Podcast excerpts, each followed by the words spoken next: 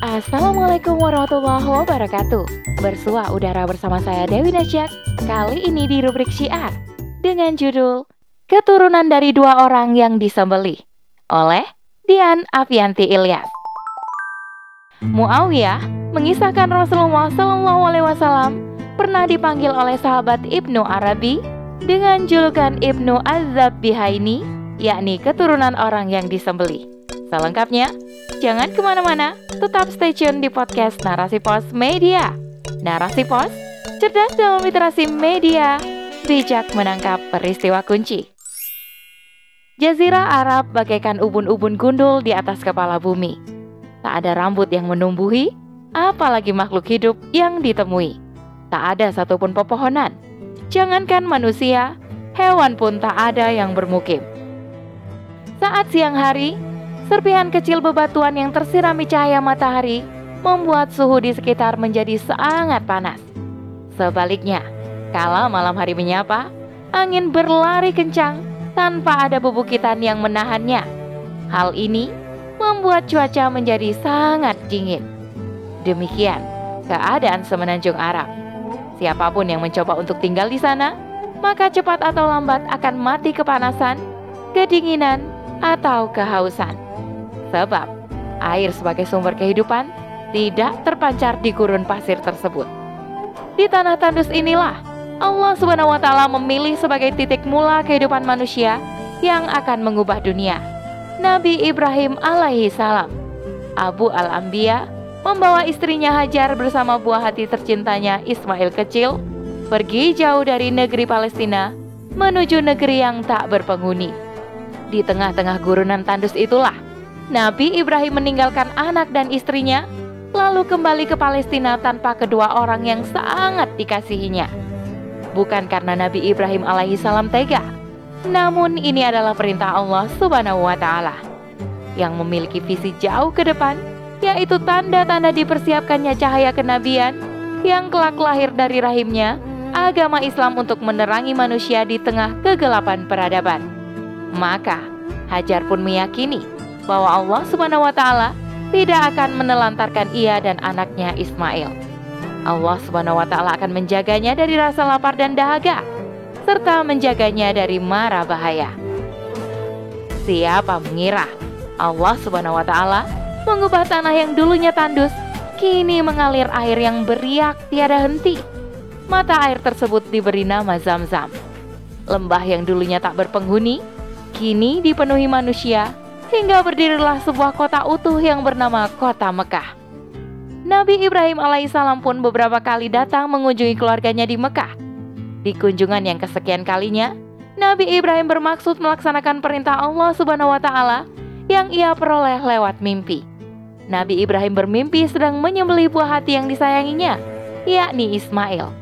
Nabi Ibrahim sangatlah paham bahwa mimpi tersebut bukanlah mimpi sembarangan, melainkan perintah Allah Subhanahu wa taala yang harus dijalankannya sebagai bukti cinta dan taat kepadanya.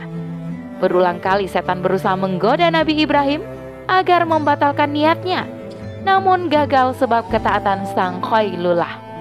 Tak tinggal diam, Setan kemudian mendatangi Hajar dengan membisikkan ketakutan akan niat suaminya. Namun Hajar juga tak tergoda. Kemudian setan pun menghampiri Ismail untuk menentang niat ayahnya. Tetapi bisikan setan tak mempan mengurungkan niatnya. Begitu teguhnya iman ketiga manusia ini. Atas ketabahan dan keikhlasan Nabi Ibrahim, Allah Subhanahu wa taala pun kemudian mengalihkan pisau dari leher Ismail dan diganti menjadi kambing. Dan kami tebus anak itu dengan seekor sembelihan yang besar. Quran Surah As-Safaat ayat 107 Allah subhanahu wa ta'ala telah menggariskan bagi Nabi Ibrahim alaihissalam jalur kenabian lewat anaknya Ismail yang kelak menjadi nenek moyang bangsa Arab. Dari jalur Nabi Ismail alaihissalam akan muncul nabi terakhir dan pemimpin para rasul yang diutus untuk menebarkan rahmat ke seluruh penjuru dunia adalah Muhammad bin Abdullah, manusia agung pilihan Allah Subhanahu wa taala yang menjadi Sayyidul Anbiya wal Mursalin, nabi yang nasabnya terjaga lagi suci. Ayahnya Abdullah bin Abdul Muthalib adalah putra bungsu Abdul Muthalib keturunan Bani Hashim. Bani Hashim merupakan bagian dari suku Quraisy yang menjadi anak keturunan Fir bin Malik bin An-Nadir bin Kinanah. Kinanah inilah merupakan keturunan dari Adnan. Dalam sirah Nabawiyah yang ditulis Abdul Hasan Ali Al-Hasani An-Nadwi, para ulama meyakini bahwa nasab Adnan berujung pada Ismail bin Ibrahim alaihi salam. Sehingga bisa dipastikan bahwa nasab Rasulullah sampai kepada Nabi Ismail alaihi salam. Sebagai keturunan keluarga yang dipercaya memikul tanggung jawab mengurusi Ka'bah, Abdul Muthalib kakek Rasulullah tiap tahunnya harus menyiapkan air minum bagi ribuan jemaah haji. Namun, suatu ketika, masa paceklik menerpa Mekah Sumur-sumur yang biasanya dijadikan tempat untuk mengambil air menjadi kering. Abdul Muthalib pun kebingungan, sebab tak lama lagi waktu haji akan tiba. Kabilah-kabilah Quraisy pun dikumpulkan di rumah Abdul Muthalib untuk mencari jalan keluar atas masalah ini. Di tengah pembahasan, mereka teringat akan sumber mata air yang tak pernah habis sepanjang masa, yaitu Zam-Zam. Hanya saja, tak ada seorang pun yang mengetahui dengan persis lokasi sumur zam-zam tersebut. Allah berkehendak lain. Ketika Abdul Muthalib tengah tertidur di hijir Ismail, Allah Subhanahu wa taala memberikan kabar lewat mimpi dengan mendatangkan seseorang yang seolah-olah menyuruhnya untuk menggali sumur Zam-Zam. Mimpi ini terus berulang kali hadir dalam tidur Abdul Muthalib. Hingga disampaikan padanya, posisi sumur Zam-Zam berada di antara dua berhala, As dan Nailah. Hal ini membuat para pembesar Quraisy marah dan menentang rencana Abdul Muthalib. Selain itu, Abdul Muthalib tidak memiliki siapa pun yang bisa membantunya, kecuali seorang anak laki-laki bernama Al-Haris. Abdul Muthalib kemudian menyadari sedikit kemampuan yang dimilikinya untuk menggali sumur Zam-Zam. Dalam ketidakberdayaannya, Abdul Muthalib pun beranjak pergi dan berdiri di hadapan Ka'bah seraya bernazar kepada Allah Subhanahu wa taala, "Jika aku dikaruniakan sepuluh anak laki-laki, kelak dewasa mereka akan mampu melindungi saat aku menggali Zamzam. Maka aku akan menyembelih salah seorang di antara mereka dari sisi Ka'bah sebagai bentuk kurban." Tahun berganti tahun, anak-anak Abdul Muthalib pun lahir dan tumbuh menjadi dewasa hingga genap menjadi sepuluh orang. Niat Abdul Muthalib yang sudah lama terpendam pun ingin segera diwujudkannya, yaitu menggali sumur Zam-Zam. Tak lupa pula dengan nazarnya yang akan mengorbankan salah seorang anaknya untuk disembelih. Maka dilakukanlah undian atas 10 anak tersebut. Betapa terkejutnya Abdul Muthalib ketika melihat hasil undian yang mengeluarkan nama anak bungsu yang paling disayanginya, yaitu Abdullah.